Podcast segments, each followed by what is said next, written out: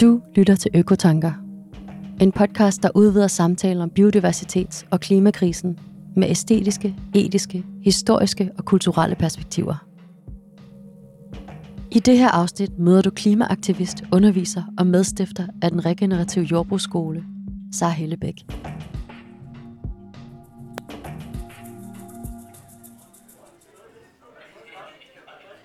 Vi er hos Center for Applied Ecological Thinking, i et konferencelokale foran et lille publikum, hvor Sara Hellebæk er inviteret til at tale med lektor i nordisk litteratur, Sofie Vennerscheid, om vores madvaner, madsystemer og mulighederne i regenerativt jordbrug. Det er så dejligt, når man kigger ud og ser så mange mennesker, man ikke kender.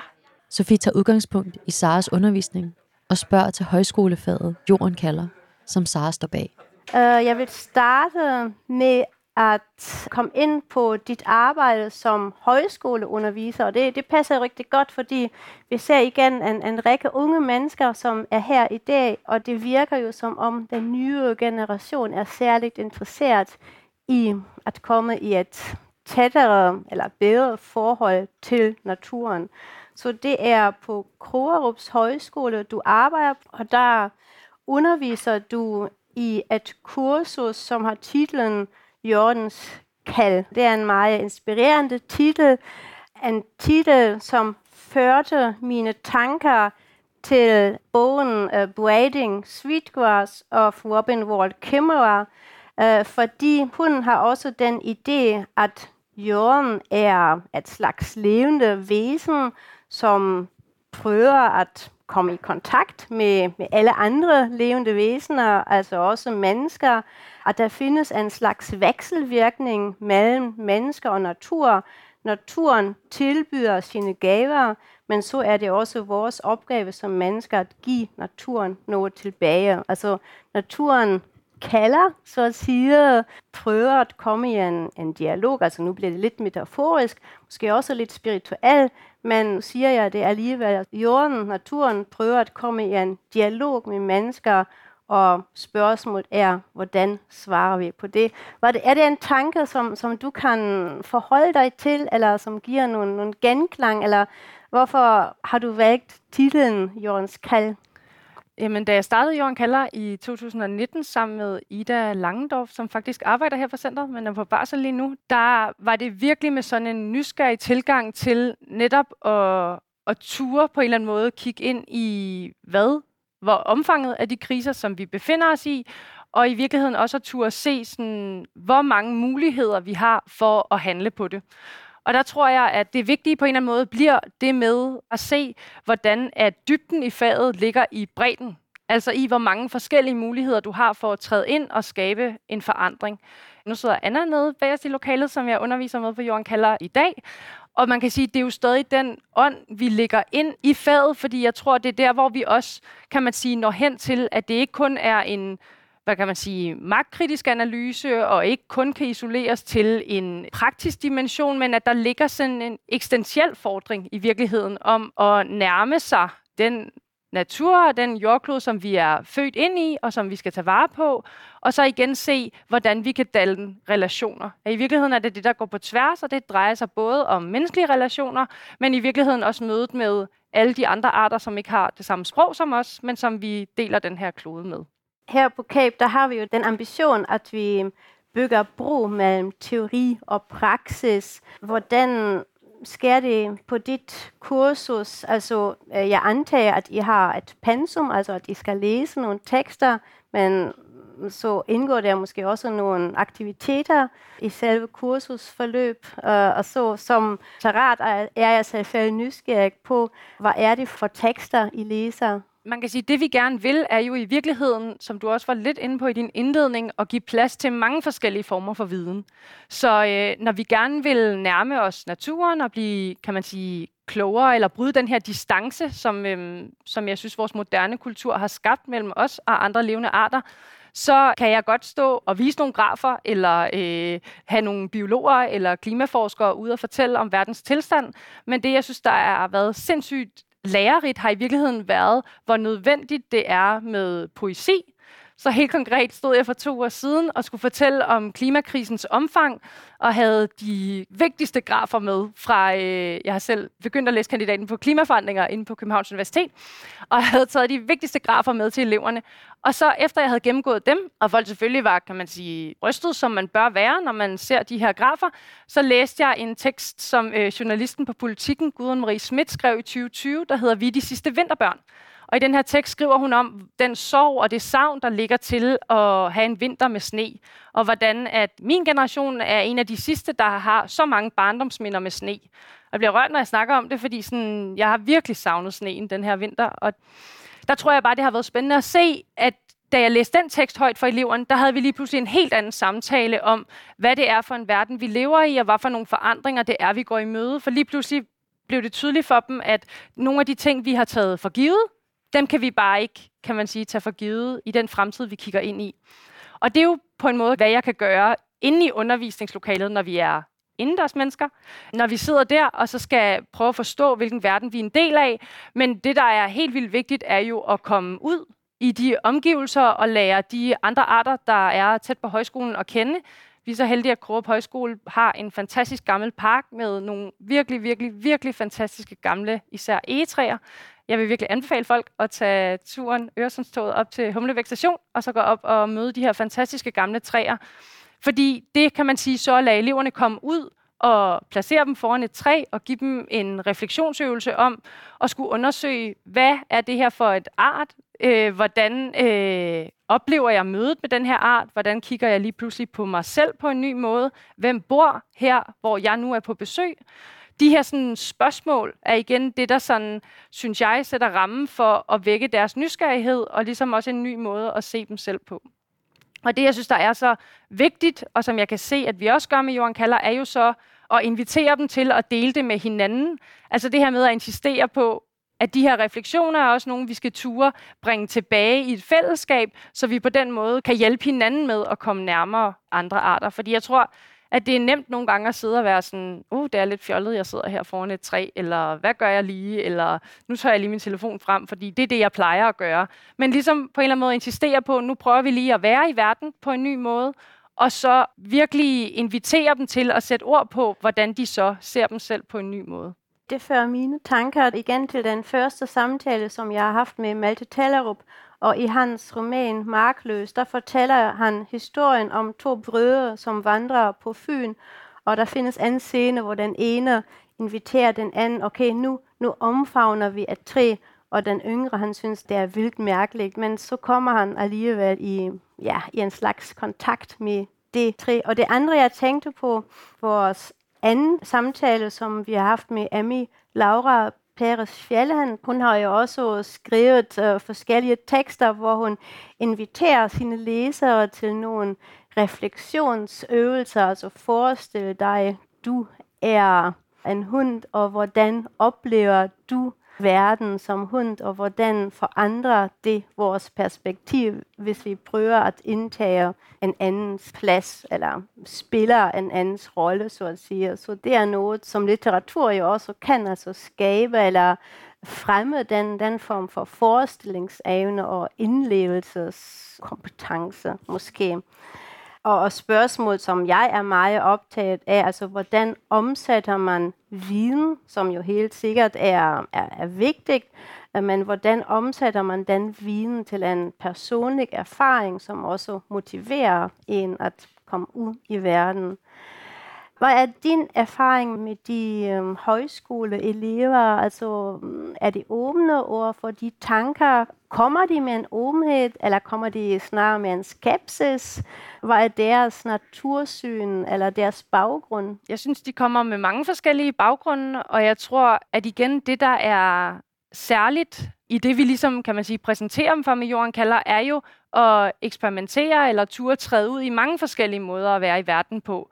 Og det, der ligesom har været ideen fra start, har været at sige, at det her, hvad siger man, rejsen eller den eksistentielle undersøgelse begynder, men at den fortsætter jo efter højskolen. Jeg tror også bare generelt med højskolebevægelsen, at der tit har været en tendens til at se det som sådan en lille boble, man træder ind i, sådan en lille pusterum, hvor at man på en eller anden måde tillade sig at lukke sig lidt om sig selv.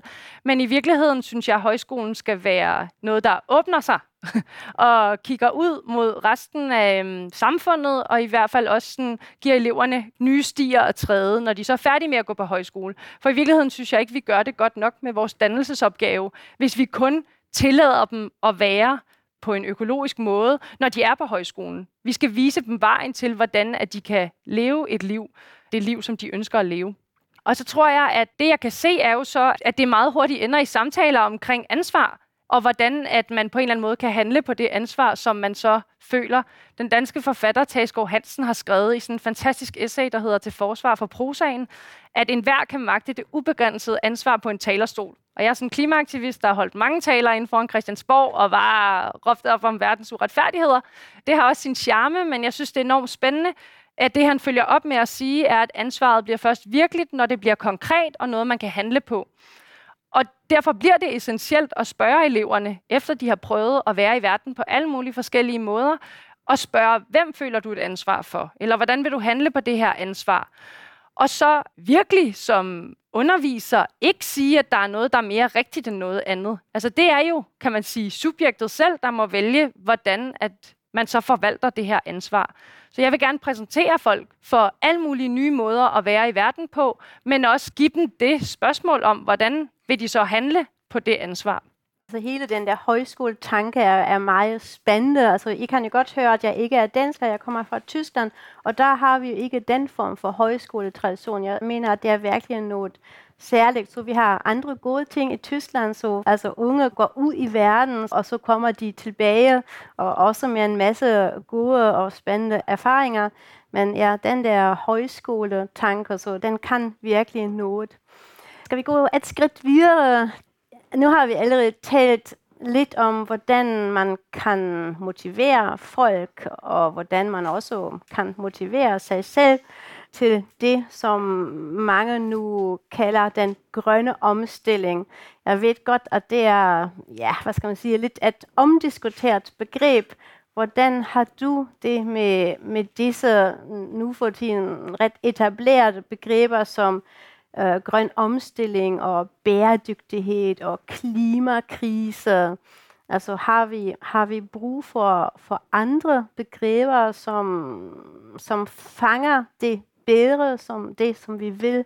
Det sker jo hurtigt, at man nøjes med ja, nogle begreber, og så nikker alle og siger, ja, ja, den grønne omstilling, den er vigtig. Men har vi ikke brug for, for nogle nye, måske lidt mere radikale begreber? Jo, jeg tror, hvert af ordene fortjener næsten en samtale i sig selv, ikke? og en lille kritisk analyse. Det første, jeg kommer til at tænke på, er, at vi skal kalde det en klimakrise. Og vi skal også glemme, at det ikke kun er en klimakrise, det er også en biodiversitetskrise, en miljøkrise, en ulighedskrise.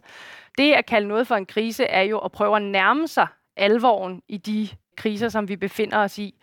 Øhm, og hvad angår bæredygtighed og grøn omstilling, så kan jeg i hvert fald bare se i løbet af de sidste fem år, vi startede ligesom den grønne studenterbevægelse med ambitionen i 2018 om sådan, klimaet skulle øverst på dagsordenen. Og det lykkedes vi jo med. Men det er jo bare ikke nok at få noget øverst på dagsordenen, desværre. Så det her med sådan grøn omstilling, der synes jeg, at vi meget hurtigt mister på en eller anden måde perspektivet for, hvor det er, vi skal hen.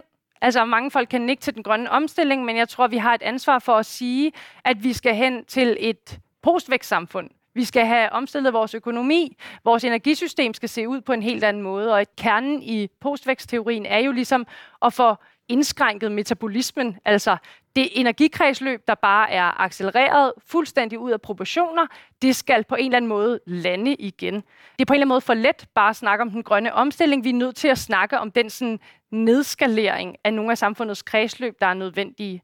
Og hvad angår bæredygtighed, finder jeg jo selv enormt meget resonans i begrebet regeneration hvor bæredygtighed jo er en idé om, at man på den måde skal opretholde et system, at der ligesom skal være et kredsløb, så går man inden for det regenerative jo ind og anerkender, at systemet er ødelagt, og det skal genopbygges. Og det synes jeg også er en vigtig pointe, fordi det her samfund er ikke bæredygtigt, eller sådan, og det er ikke bæredygtigt at opretholde det her samfund. Så ideen om at regenerere noget er jo på en eller anden måde at anerkende et oprydningsarbejde, jeg ved ikke, hvor mange af jer, der har set Wall-E, men jeg synes virkelig, det er en fantastisk film, hvor den her lille robot kører rundt i en meget ødelagt verden. Og nogle gange, må jeg bare helt ærligt sige, vågner jeg og synes, at vores verden er lidt Wall-E-agtig. Men så er det jo også til sidst, at planterne kommer og, øh, og hjælper os med at regenerere den planet, som vi bor på. Så den her insisteren på, at det er ødelagt rigtig mange ting, og det er der en sorg forbundet med, men alle de ting, der ikke er ødelagte, dem må vi værne om, den må vi passe på, og det er lidt tilbage til natursynet, og det med, hvad kan man sige, at læne sig ind i tilværelsen på en ny måde. Og der tror jeg, at ting som ritualer, stillhed, det at finde tilbage til et tilværelse, der er tættere i pagt med årstidernes gang, er sådan helt afgørende for at prøve på at nærme sig den måde at være i verden på. Ja, men der befinder vi os virkelig i en helt anden verden, end den vi oplever lige nu. Altså jeg personligt, jeg er også en stor fan af begrebet regeneration. Den åbner også så mange associationer, altså degeneration, og så generation, altså at man genererer noget, at man skaber noget, at, at man tænker i forskellige generationer, så der, der sker virkelig noget, når man arbejder med det begreb. Men på den anden side, altså det er en diskussion, som jeg også har haft her i huset. Der findes jo nogen, som mener, at regeneration er blevet det nye buzzword, så et nyt modeord, som for mange taler om nu, uden at de enten virkelig ved, hvad de mener med det. Jeg ved godt, at nogen er skeptiske over for regeneration og regenerativ jordbrug, fordi de mener, at man ikke kan brødføre 8 milliarder mennesker med det. Så regenerativ jordbrug og de helt store opgaver, som vi står overfor, hvordan tilgår vi disse udfordringer ved hjælp af regenerativ jordbrug? Det første, jeg får lyst til at sige, er, at man helt sikkert lige nu kan se, at regenerativ er det nye buzzword. Der er ikke det lederkursus, der ikke er regenerativt, eller øh, Nestlé vil være regenerativ, alle mulige vil være regenerativ. Og det er jo der, hvor det bliver så sindssygt spændende at komme ind og få defineret, hvad det egentlig det her begreb betyder. Anders, der sidder her på første række fra Øm Klostergård, og jeg sidder i foreningen Regenerativt Jordbrug, og lige nu vil jeg prøve at skrive den her erklæring om, hvordan vi definerer det regenerative. Fordi igen, så bliver det jo virkelig en kamp om, hvad er det, vi forstår ved det her begreb, og hvem er det i virkeligheden, der når at sætte kløerne i begrebet først. Fordi man kunne allerede se under valgkampen i efteråret, at Alternativet gik ud med en udmelding om, at landbruget, dansk landbrug skulle være 100% regenerativt. Og Socialdemokratiet i deres landbrugsudspil var faktisk ude at sige, at de ville etablere et partnerskab for regenerativt landbrug. Jeg tror ikke helt, de ved, hvad det er. Og det er derfor, at det var øh, at hvad kan man sige, jeg virkelig blev tændt på i efteråret at skrive den her definition ned, så vi i hvert fald melder tydeligt ud, hvordan vi forstår begrebet.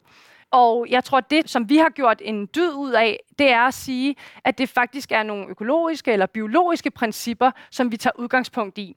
Så det vi har prøvet at definere er sådan fem principper, som er essentielle for landbruget. Og lidt på samme måde som med verdensmålene, så havde folk lidt en tendens til i starten at sige, jeg tager verdensmål nummer 4, og så klarer I andre resten. Men på samme måde med de regenerative principper, så er det sådan hele pakken, der skal til for, at man faktisk på en eller anden måde forsøger at regenerere økosystemerne. Og det, sådan, der den første budskab er jo, at når vi snakker om at regenerere vores jordklode, så handler det om jorden. Og om det mikroliv, der er i jorden, og som vi har tabt på grund af den rovdrift og den, kan man sige, forkerte forvaltning, der har været af vores landbrug igennem årtier. Så udgangspunktet er at ville stimulere det mikroliv, som findes nede i jorden. Så ligesom I kender alle mulige fødekæder, der findes over jorden, som vi kan se, og nogle helt små arter, vi ikke kan se, så på samme måde er der encellede organismer og flercellede organismer nede i jorden, der er en del af et stort fødenet dernede. Og det er i virkeligheden det mikroliv, som vi gerne vil have til at sørge for, at vi kan dyrke jorden, og at den bliver ved med at være frugtbar. Så det første handler ligesom om at på den måde stimulere det mikroliv, der er i jorden.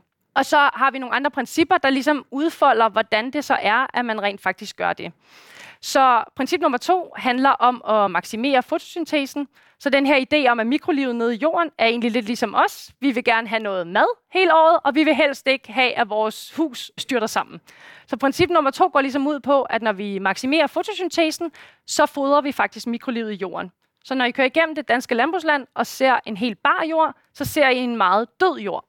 Og den her idé om, at vi faktisk skal have et artsrigt, altså mange forskellige planter, der lever så lang tid som overhovedet muligt, er ligesom virkelig afgørende for det her mikroliv i jorden. Nu spiller jeg lidt djævelens advokat. Altså, du siger, at I vil stimulere mikroliv og at opbygge og genopbygge jorden, og jeg er jo helt enig i det.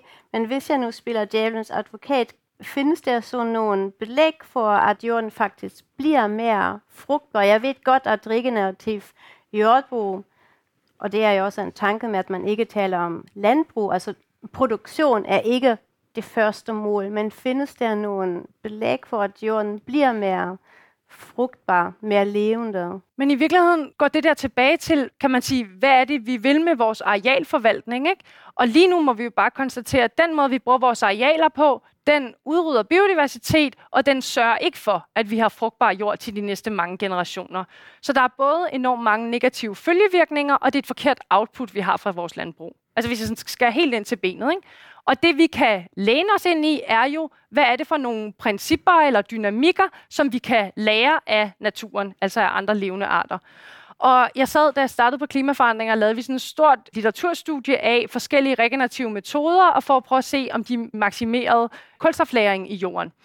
Og der kunne man bare se, der er ikke lavet nok forskning på området. Men jeg synes bare igen, at det vender lidt tilbage til, jamen er det kun de kulstofmålinger, vi har brug for, for at vide, at vi tror på, at det her virker? Vi kan jo se, at når man dyrker jorden regenerativt og indretter vores landarealer på en anden måde, så får vi smukkere landskaber. Vi giver mere plads til biodiversiteten. Vi producerer mad, som mennesker kan spise, og som ikke går ind i et helt fuldstændig vanvittigt animalsk produktion, som vi har udviklet i dansk landbrug. Så jeg tror igen, at den der sådan jagt efter beviset for, at det her, det er vejen til at maksimere kulstofbinding i jorden. Det er det teoretisk set, fordi princip nummer tre er, at vi skal lave så lidt jordbearbejdning som overhovedet muligt. Så når planterne laver deres fotosyntese og lærer organisk materiale i jorden, og vi lader være at lave en hård jordbearbejdning, så kan svampene faktisk lave stabile kulstofbindinger i jorden. Så ud fra sådan en biologisk argumentation, så virker det, eller sådan, så er det jo de principper, der skal til. Men jeg tror bare, vi skylder hinanden og insistere på, at samtalen må starte med, hvordan bruger vi vores arealer? Altså, hvor meget plads vil vi give tilbage til andre levende arter? Hvordan vil vi regenerere eller genopbygge de økosystemer, som vi har ødelagt, fordi vi har drænet vores jord, fordi vi har fældet alle træerne? Og hvad er det, vi skal have ud af vores landbrug, ikke mindst? Hvad er det for nogle lokalsamfund, der skal have adgang til nogle næringsrige grøntsager? At jeg tror også, og det er noget, jeg virkelig håber, at der så er nogle forskere, der vil gribe med den her undersøgelse af næringsindholdet i vores grøntsager. Altså en tomat er seriøst ikke bare en tomat. de der økologiske tomater, man finder nede i supermarkederne, det er jo bare vand på en mærkelig form. Altså, og vi kan jo alle sammen godt smage det. Så det er jo lidt tilbage til overskriften på den her samtalerække, ikke? at vi ved jo også godt, at vores madsystem også har udviklet sig på en måde, hvor det er hverken sundt for os, eller for de økosystemer, vi er en del af. Ja, men altså på en personlig og kropslig måde, tror jeg også, at vi har en stor evidens for, at det gør en, en forskel. Og nu ved jeg ikke særlig meget om, hvad foregår under jorden, eller i selve jorden, men jeg har jo øjne og så videre, så jeg ser godt, hvordan vores landskaber ser ud. Og det var jo også noget, som Gry Hedin, som, som var min seneste samtalepartner, kom ind på. Så hun beskæftiger sig meget med kunst og malerier og dansk guld eller malerier, og der ser man jo kornmarker og kornmarker og kornmarker, og ikke nogen køkkenhaver. Og det er interessant, altså at også de gamle kunstnere, så de har kun været interesseret i den form for åben og produktive landskab, og de syntes, at det er et smukt, et dejligt landskab med bølgende kornmarker, og det har påvirket os alle. Altså, vi oplever ikke rigtigt, at en kornmark faktisk er et dødt stykke land. Så på den måde mener jeg også, at den regenerative tilgang kan noget, altså alene ved at gøre det hele mere mangfoldigt, mere divers og inddrager mange forskellige faktorer. Så det synes jeg helt sikkert, det er meget afgørende.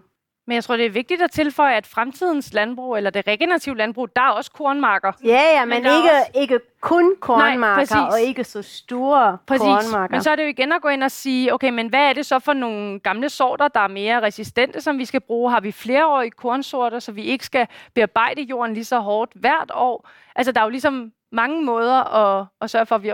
Eller det er bare, fordi jeg virkelig godt kan lide brød.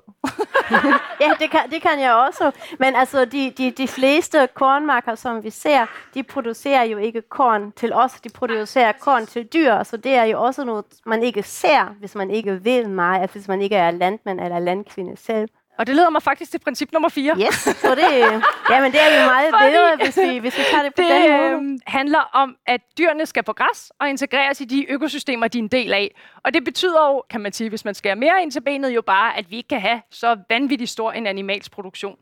Så det er igen bare jo for at sige, at dyrene har faktisk en rolle.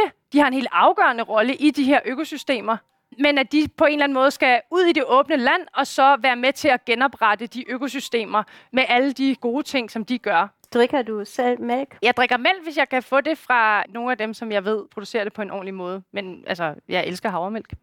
Og på en eller anden måde kan man sige, det er jo sådan et personligt spørgsmål, som i virkeligheden afspejler det her med tanken om afsavn i det her.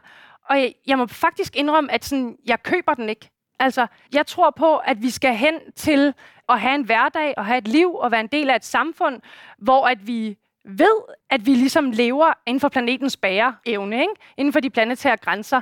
At jeg kan godt vågne og være meget frustreret over det med, hvor destruktivt et samfund jeg er en del af. Altså, og jeg tror ikke på, at vi løser det her ved at stå og snakke om hinandens dårlige samvittighed. Eller sådan, vi vil jo gerne være en del af et samfund, en del af nogle systemer, nogle institutioner, der rent faktisk sætter de rigtige rammer op for det. Og det er jo derfor, at selvfølgelig har jeg et valg, når jeg står nede i supermarkedet. Men supermarkederne har også et valg, og den måde landbrugsstøtten fungerer på, er dem, der gør, at det er det her valg, jeg skal træffe. Så hele tiden på den måde, synes jeg bare, man er nødt til at være opmærksom på det ansvar, man også har for at pege på den, kan man sige, strukturelle forandring, der er nødvendig. Så jeg kan godt lide begge former for mælk, men jeg vil virkelig ønske, at man kan sige, at vi støttede dem, der så rent faktisk lavede landbrug ud for de her principper, i stedet for bare ud fra, hvor meget jord du dyrker. Ikke? Og så synes jeg bare, det er så afgørende, når man kommer meget nært på folk i forhold til at spørge om, hvilke muligheder de har for at købe grøntsager, der er produceret lokalt og efter øhm, nogle mere bæredygtige principper, at huske, at det virkelig også er et privilegiespørgsmål. Det er ikke alle, der har ressourcer til det. Og at øh, det er fantastisk med de fødevarefællesskaber, der findes her i København. Der er ikke super mange i Ishøj. og vi har bare virkelig et ansvar for på den måde også at gøre det til øh, tilgængeligt for alle i befolkningen, at åbne landskaberne, så alle folk kan komme ud og få den oplevelse af, hvordan at øh, vi kan dyrke jorden på en anden måde. Og der synes jeg, at hele det her med, hvilken rolle uddannelsessystemet spiller, bare er sindssygt afgørende. Men det er jo også i sidste ende et spørgsmål om, hvordan vi fordeler ressourcerne i vores samfund, og at folk skal have mulighed for at kunne købe næringsrig mad. Ja, du kommer bare med så mange spændende tanker. Jeg vil fokusere på to afsavn og indkøbsmuligheder afsavn, det mener jeg er den forkerte vej. Altså hvis vi taler om afsavn, der kæmper vi hele tiden med ja, dårlig samvittighed. Men hvis vi skifter perspektiv og ser de mange nye muligheder, som faktisk opstår, hvis vi spiser og køber og, og dyrker på en anden måde, eller dyrker fællesskab på en anden måde. Vi får jo også en hel masse nye ting og muligheder. Og afsavn, det er jo også et begreb, som implicerer, at vi har ret til noget, og så siger vi, nej tak, nu må jeg ikke. Men den ret, den har vi jo ikke. Hvis vi kommer tilbage til Robin Wall Kimmers tanke, at naturen giver os noget. Vi har jo ikke ret til det. Altså, vi, vi tager imod. Og det bevirker jo også den tanke, at vi skal lade være at gøre det. Så det mener jeg, det er en forkert tanke. Vi skal være taknemmelige over for de gaver, som vi får, og så skal vi bare forvalte dem på en meget bedre måde. Må jeg sige en lille ting til det? Altså seriøst, prøv at tænke over, hvor fantastisk fotosyntesen er. Altså, jeg får det bare så vildt over, når jeg tænker på det, fordi den sådan ydmyghed, man får over for den sådan planet, vi er en del af, det er jo så mindblowing.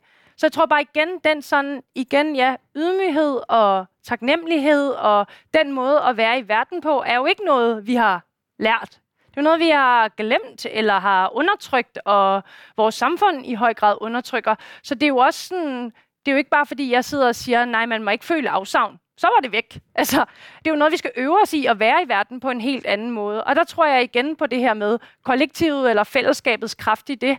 Fordi det er så svært at bære det hele alene, men vi kan godt glædes eller begejstres og hjælpe hinanden med at på den måde være i verden på en ny måde det er med en stor nysgerrighed, at jeg går til det her, fordi jeg kender da også folk, der virkelig savner at spise kød, eller sådan, fordi de virkelig holder af det. Og så må man jo finde ud af, når man, hvis de her dyr, der for eksempel går på græs og er integreret i økosystemer, når de skal slagtes, så kan det godt være, at man kan spise kød en gang om året, eller på den måde stadig have de muligheder. Men igen, som du siger, vi har ikke den ret til det overforbrug, som kendetegner vores samfund lige nu. Og det andet, som jeg kom i tanke om, er den måde, vi køber ind her i Danmark, der har vi jo virkelig en få store supermarkedskæder, som leverer det hele.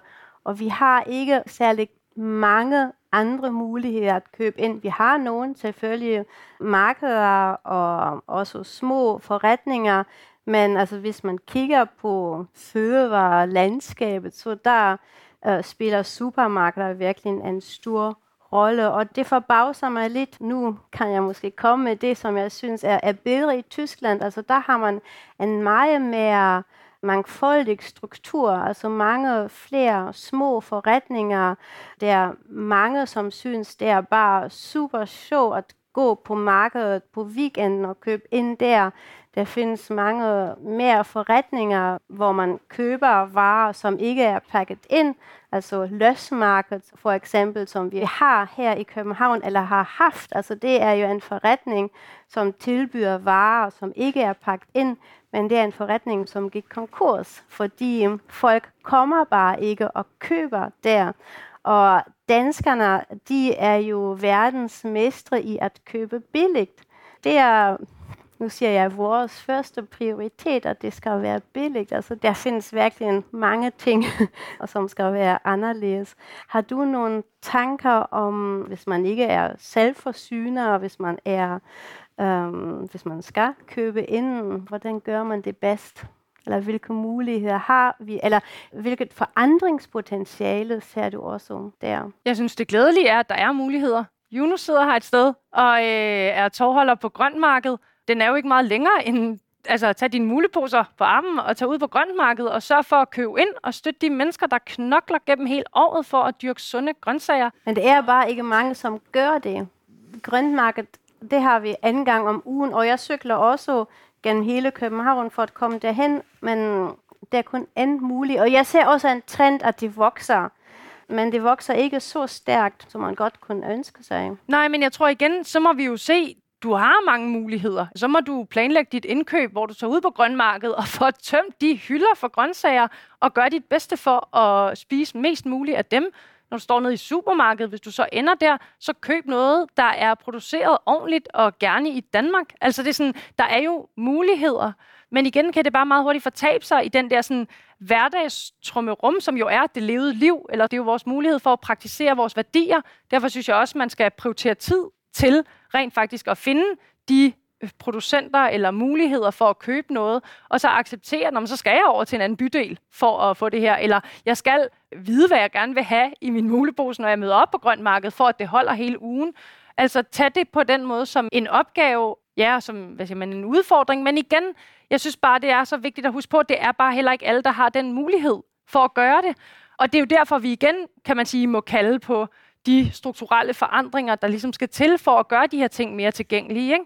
At ligesom vi har, øh, har jeg bare tit tænkt sådan, biblioteker vil jeg virkelig drømme om, at vi organiserede steder, hvor folk kunne gå hen, og der stod de her køleskabe, hvor du kunne gå ind og så købe de her grøntsager. Altså at vi på den måde fik varetaget, at de mennesker, der virkelig knokler for at dyrke noget sund mad til os, at de på den måde kunne levere det et sted i byerne, og man kunne tage derhen og hente sine grøntsager. Og det er jo det, man gør med grønt marked. Men som du selv siger, sådan, der burde jo være grønt marked hver dag. Ja, altså det er det, jeg mener. Selvfølgelig har vi muligheder, men vi kunne jo have mange mere muligheder, og det har man i andre lande, også i, i Frankrig eller Italien, hvor folk bare er parat til at bruge penge på fødevarer. Altså i Danmark, der har man jo ikke et stort problem med at gå på et dyrt restaurant, men hvis det kommer til råvarer, der ser det lidt anderledes ud. Men altså, jeg håber selvfølgelig også, at ja, grøntmarkedet og andre multidskasser og så, at det er en trend, som vokser sig stærkt. Jeg kigger lidt på tiden. Hvad har vi ellers? Hvad er mest vigtigt? Princip nummer 5. det er øh, recirkulation af næringsstoffer. Så det er jo igen den her, den helt sådan indlysende ting med økosystemer, og også økosystemer, som vi indgriber så meget i og gerne vil forvalte, at næringsstofferne skal recirkuleres. At vi kan ikke have et lige så vildt input, som vi har nu. Dels fordi, at det er super energikrævende, og tilbage til den her postvækstsamfund, at vi skal ikke have lige så energikrævende systemer. Energi er ikke gratis, det troede vi ind til for nylig. Det er det bare ikke, og det bliver det heller ikke igen, heldigvis. Men også fordi, at alle de input, vi har, er også nogle af dem, der giver alle de her følgevirkninger, som vi rigtig gerne vil af med. Jeg ved, at du også er meget optaget af problemer, som drejer sig om ejerskab. Vil du sige lidt mere om det? Ja, det vil jeg rigtig gerne. Og i virkeligheden også måske fortælle lidt om jordbrugsskolen. Nu blev det indledt med, det var det, vi skulle snakke om.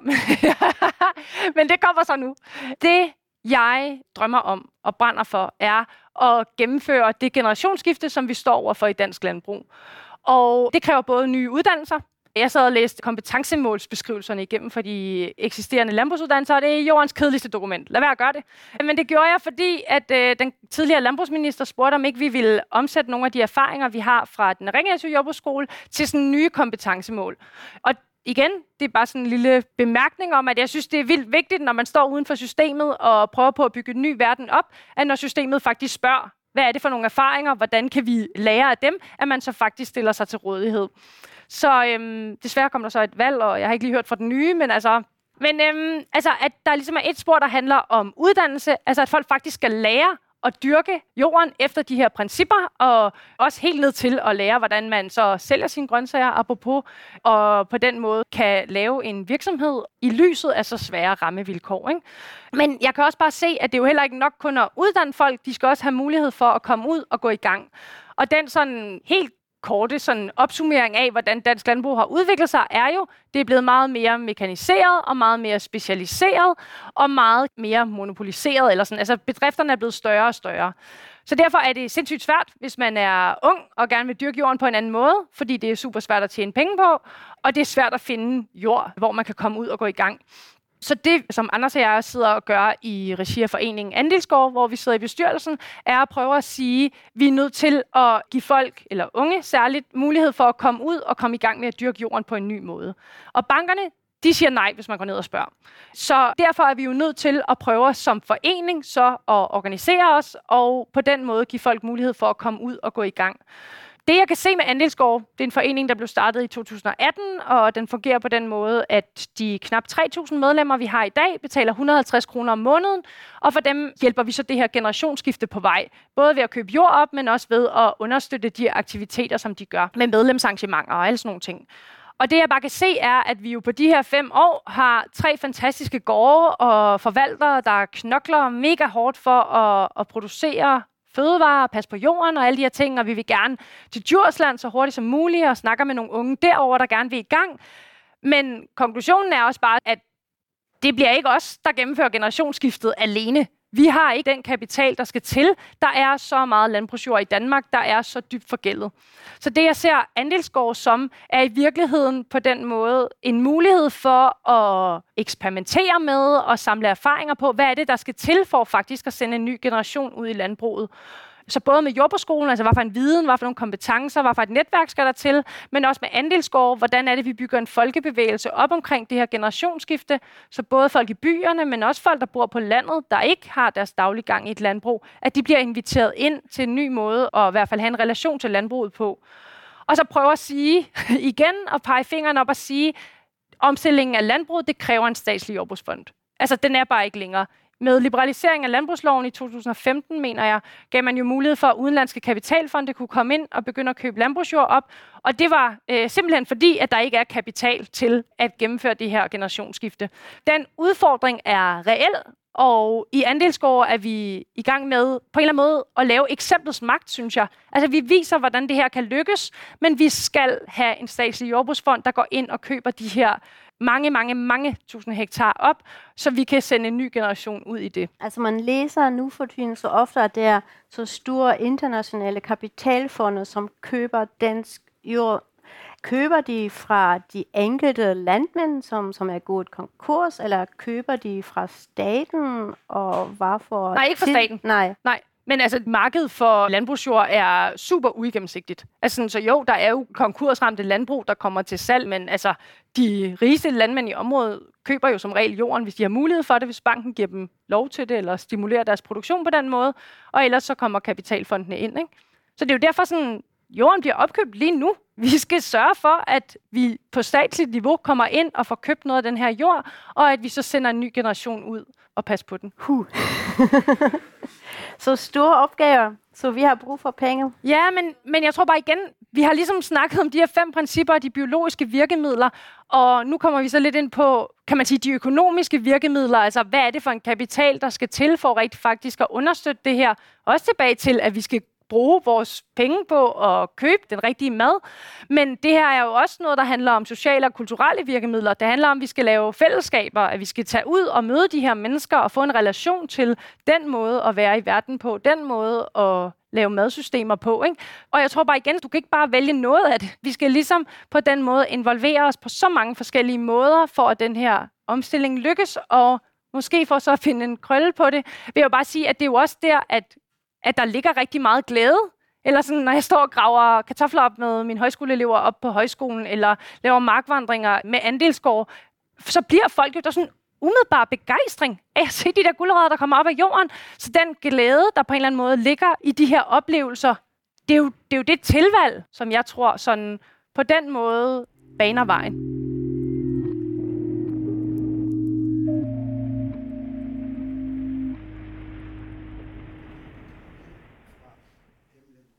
Der åbnes op for spørgsmål fra salen, og en blandt publikum spørger til, om vores jord ikke allerede er forgiftet af forurening, og de globale perspektiver i det problem. Der er ligesom forskellige perspektiver, jeg kommer til at tænke på. I forhold til det globale, så den bevægelse, der hedder Sabatisterne, der øh, er organiseret i Mexico, dem har vi haft besøg af op på højskolen, nogle af de aktivister, og øh, deres sådan, hovedbudskab var, forstår din landbrugshistorie, og så forhold dig til den. Og man må bare sige, at øh, hvis vi forholder os til den danske landbrugshistorie, så har vi med meget oprydningsarbejde foran os. Og jeg tror på den måde, at, øh, at vi netop skal stoppe med at drive rovdrift på jord andre steder i verden. Altså det er jo også noget med at lukke eller demokratisere på en eller anden måde adgangen til jord og adgang til de ressourcer og de kredsløb, som vi er en del af, uden at ødelægge det andre steder. Det er for det første noget, vi virkelig har en pligt til at stoppe med. Og så synes jeg bare, at det netop vender blikket hen imod, at det her ejerskab, eller den her sådan, tilknytning til den jord, som vi har tæt på. Altså, jeg skal lade være at fuck det op andre steder, og så skal jeg tage vare på det, der er tæt på mig. Og i forhold til det her med den forurenede jord, der er det jo igen lidt tilbage til Wall-E, ikke? At det er det her med, at vi har gjort rigtig mange ting rigtig dårligt, og det skal vi rydde op i.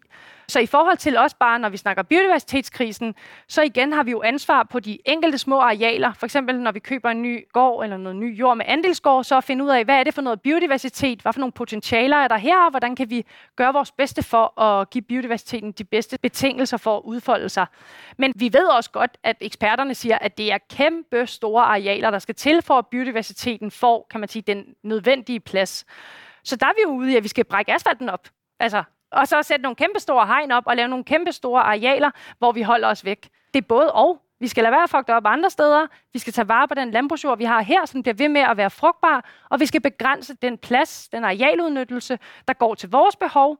Og det er jo den kamp, der står lige nu i forhold til arealanvendelse. Lige nu er jeg da bange for, at de lavbundsjord, som vi skal have taget ud af drift, at de bare bliver klistret til med solceller, der burde sidde op på byens tage. Så sådan det her med at forstå, hvor vigtigt, at vores arealer og vores udnyttelse af den er, det synes jeg er en samtale, der slet ikke fylder nok herhjemme. En anden blandt publikum spørger til, hvordan det går Saras elever, når deres ambitioner skal ud og møde hverdagen og de almindelige liv, der leves udenfor. Der er mange, der vælger ikke at gå den normale vej, når de har været på jorden kalder. Der er folk, der så finder ud af, at de skal være øh, jordbrugere, eller øh, altså sådan gøre noget, som ikke på den måde er... Bare fordi, når du siger det med det almindelige, så bliver det på en eller anden måde lidt også med reference til det byliv, eller det sådan uddannelsesliv, det arbejdsliv, som er dominerende i vores samfund. Og der vil jeg sige, at der er mange oprørske handlinger, man kan gøre. Og de kan være små. Det kan være at lave et ritual på Amagerfællet søndag eftermiddag og drikke noget varm kakao. Og på den måde være i verden på en anden måde. Men det kan også være at sige, at jeg skal noget helt andet, end det det etablerede system tilbyder mig. Og så ture træde den vej. Men igen ser jeg da, at det, der er brug for, er jo, at man bliver ved med at have det fællesskab, der på den måde støtter en i at gøre det. Ikke? Og så kan man sige, har det jo også bare været min drøm med jordbrugsskolen at sige, at vi skal lave et sted for de unge mennesker, der er så modige, at de vil en helt anden måde at dyrke vores arealer på. De vil være i verden på en helt anden måde. De vil forbinde sig til deres lokalsamfund på en helt anden måde. Altså, de rammer eller de fællesskaber, det skal de have mulighed for at træde ind i. Så det er jo med den sådan ambition eller den drivkraft, at skolen ligesom er blevet etableret. Fordi jeg tror bare igen, når systemet ikke tilbyder det, eller så må vi sætte os med et blankt papir og sige, hvordan bygger vi den verden op, vi tror på. Og så også, så snart folk så træder ind ad døren, så give dem de muligheder for, at de kan leve på den måde, de ønsker. Ikke? Jeg oplever, at folk får den inspiration og bliver en del af et fællesskab, der gør, at de kan gå ud og være i verden på en anden måde. En tredje spørger til, hvordan vi får spredt budskabet om regenerativ jordbrug til dem, der ikke lytter, eller overtalt dem, der er uenige med principperne. Jeg læste i øh, foråret en bog om pædagogik. Nu afslører jeg, det er ikke, fordi jeg har gjort mig vildt meget i det der pædagogik, før jeg blev højskolelærer, men jeg læste den her bog af en hollandsk pædagogisk tænker, der hedder Gert Biesta, der siger, at det at uddanne og det at, at lave dannelse, det handler om at pege på noget. Så er jeg, sådan, jeg kan pege mange steder hen, synes jeg. Og det er jo virkelig fedt, ikke? Eller sådan, der sker forandring mange steder.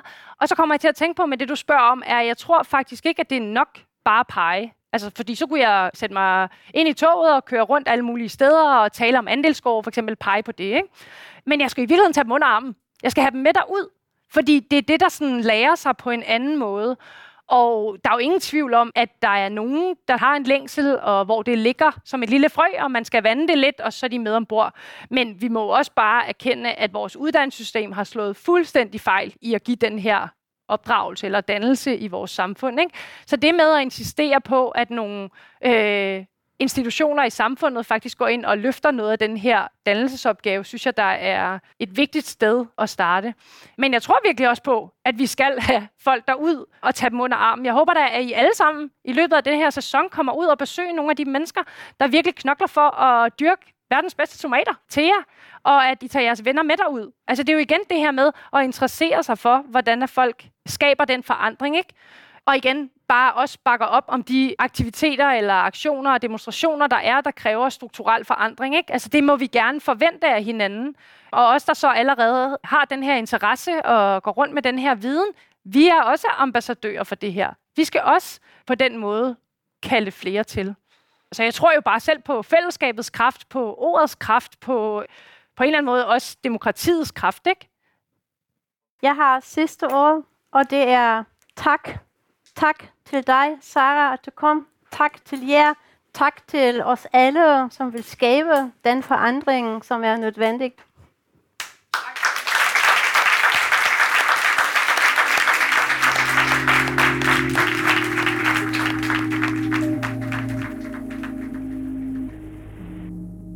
Sofie Vennerscheidt, som her rundede samtalen med Sara Hellebæk af, optræder også i et andet afsnit af podcasten. Hun er nemlig en af initiativtagerne til en workshop om bæredygtig madlavning, som du kan komme med til i afsnittet med titlen Det transformative køkken. Økotanker produceres af Center for Applied Ecological Thinking på Københavns Universitet. Tusind tak, fordi du lyttede med. Og hvis du kunne lide, hvad du hørte, så del det endelig med andre.